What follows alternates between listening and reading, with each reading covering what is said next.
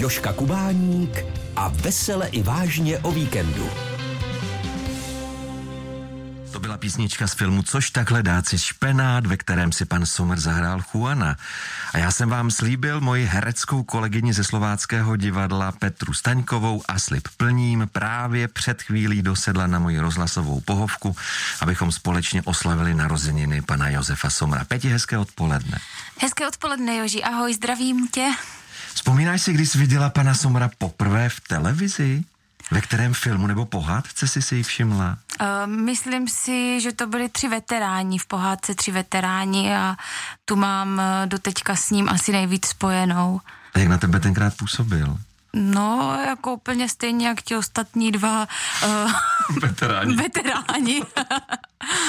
Takže jsi neměla pocit, že něčím eh, výjimečný, zajímavý, že tě přitahuje něčím, nebo objevovala se potom v těch dalších filmech, natočili jich tolik a tolik seriálů? Uh, jo, to asi jo, ale asi ve stejné úrovni jako tady tu starší generaci těch herců, tak jsem ho jako měla v nějaké úctě a tady v tomhle spíš než jako, že bych uh, si ho vyhlédla a nějakým způsobem se na něho upřela. Mm-hmm.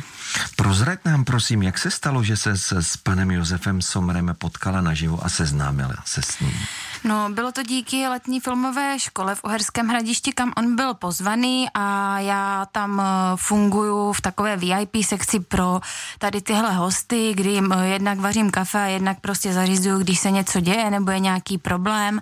A byla jsem eh, zrovna u jeho rozhovoru s novinářem a čekali jsme na paní ředitelku celé filmové školy a ten rozhovor probíhal a mě prostě přišlo úplně blbé, na co se ten novinář ptá pana Somra a přišlo mě to, že se optá prostě na blbost a nemohla jsem to vydržet, tak jsem do toho rozhovoru jako nějakým uh, způsobem vstoupila a trošku jsem mu řekla, že se ptá prostě na blbosti tomu novinářovi a nějak jsme se zapovídali pak uh, s Josefem Somrem a už jsme si potom povídali my dva, ten novinář asi neměl ani chudák materiál uh, potom k sobě do práce, ale takhle to jako by nějak vzniklo a čekali jsme na paní ředitelku celé letní filmové školy, než si pro něho přijde a budou jakoby pokračovat eh, v tom programu té filmovky.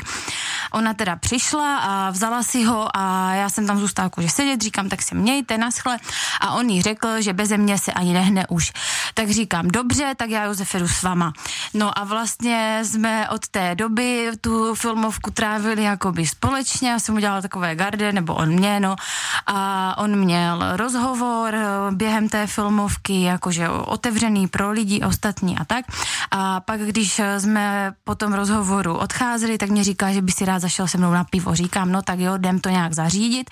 A vrhali se tam na něho nějací novináři, kteří zjistili, že tam eh, jakoby pan Somrie chtěli poskytovat rozhovor a já jim říkám, jestli to mají jako domluvené dopředu. A oni říkají, no to jakože nemáme, my jsme přijeli kvůli tomu, že víme, že tady je. Já říkám, no jestli to nemáte domluvené, tak já to tady prostě s panem Somrem nebudu ani probírat, protože on eh, bude dávat rozhovory jenom těm, co to mají domluvené a teďka už má další program. No, takhle jsme se jich jakoby zbavili potutelně společně a prostě jsme si šli na spolu pivko. Ale ty jsi takže... teda dobrá sekernice, to mě před, to já jsem vůbec nevěděl tuhle tu historku. No, takže takhle jsme se nějak jakoby seznámili, ale uh, to zní teďka tak, jo, ale to tak uh, vzniklo postupně a jako bylo to spíš díky tomu, že nám bylo spolu prostě hezky, no.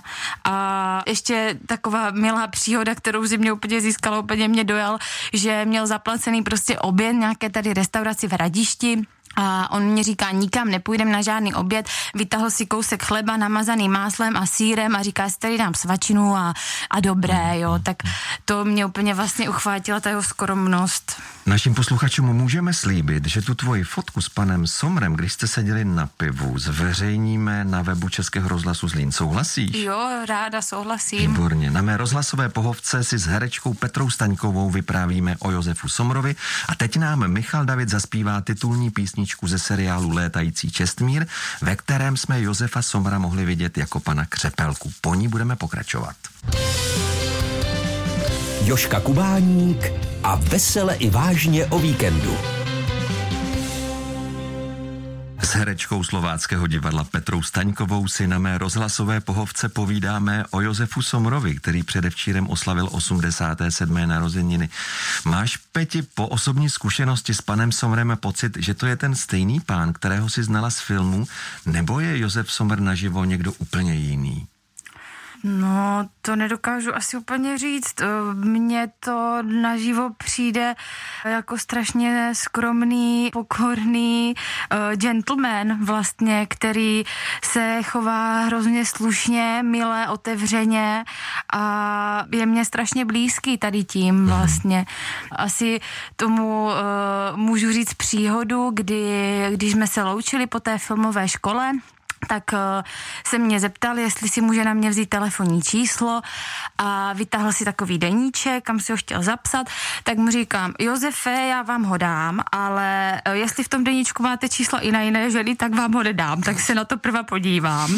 A neměl, tak jsem mu ho teda dala, jako samozřejmě z legrace. A řekl mi, nebo mi slíbil, že se mi ozve, tak já jsem čekala, než dojede do Prahy a jako, že mi zavolá, že třeba v pořádku přijel nebo něco. A on on se mě neozval. Tak jsem si říkala, jak brdička, tak to teda se jako teda nedělá, no tak dobře. A zavolal mi teda na druhý den dopoledne a omlouval se mi, že mi nechtěl volat tak pozdě večer, jako že se to nesluší volat ženě po desáté hodině večer, když teprve docestoval do Prahy. Hmm. Tak mě to jako vlastně úplně dojalo, jak je to hmm. milé. No, tak eh, že za mě je to obrovský gentleman. Hmm. A o čem jste si spolu vlastně povídali? Seděli jste spolu na pivu třeba? Hmm, tak o životě, o nás, o něm, prostě úplně normálně, jak eh, s, nevím, s kamarádem nebo s někým takovým, jako že jsem se ho nevyptávala na práci nebo na to, jak se něco natáčí nebo na to, jak hrál tohle, ale prostě spíš na nějaké věci ze života a tím, že on je z Vracová, jsem z Vesly nad Moravou, tak eh, tu Moravu on má jakoby taky úplně v srdci a. A padli jste si do oka, dodnes jste spolu v kontaktu. Předevčírem si mu přála k narozeninám mm. a před týdnem jste spolu telefonovali, ty se pokoušela přemluvit pana Somra, abychom jej mohli mít ve vysílání. Co ti řekl? On byl jako potěšený, že o něho stojí někdo, což je úplně absurdní, protože to je taková osobnost, ale mm, nechtěl už, říkal, že už vlastně nepodává rozhovory a že už takhle jako veřejně nevystupuje nijak ale že mám pozdravovat všechny posluchače a že si toho moc eh, váží, toho pozvání. Ale teď nás poslouchá asi. Teď si myslím, že nás poslouchá. A jak se pan Sommer podle tebe má? Eh, já věřím, že se má dobře, eh, musím zaklepat, eh, že je zdravý, nevystavuje se žádnému nebezpečí, tím myslím zbytečně jako netrajda po Praze, když je koronavir a hodně rád jezdí na chatu, kde si potom užívá prostě toho volna a čerstvého vzduchu. Mm-hmm. Takže věřím, že se má prostě hezky. A co bys panu Somrovi popřála k narozeninám? Popřála bych mu, ať je hlavně zdravý a ať je to pořád takový miláček, jaký je. A přijede v létě na filmovku? Uh, to nevím, ale snad eh, se na Moravě co nejdřív ukáže, aby jsme se viděli. A nevíš, jestli jezdí pořád do Vracova? Um, teďka momentálně nejezdí, říkal kvůli tomu covidu Jasně. a všemu, co se děje, takže tu dlouho nebyl na Moravě. Tak když se nepotkáte na Moravě, potkáte se v Praze. Tak dojedu já. Tak jo. Povídal bych si s tebou, Peti, klidně další hodinu, bohužel. Čas nás tlačí, tak ti moc děkuji, že jsi k nám do Českého rozhlasu přijela na pana Somra zavzpomínat, ať se ti daří. Hostem na mé rozhlasové pohovce byla herečka Petra Staňková a teď ti, Peti, i našim posluchačům pustíme písničku, kterou zpívá Josef Sommer. O, děkuji moc krát za pozvání a naslyšenou.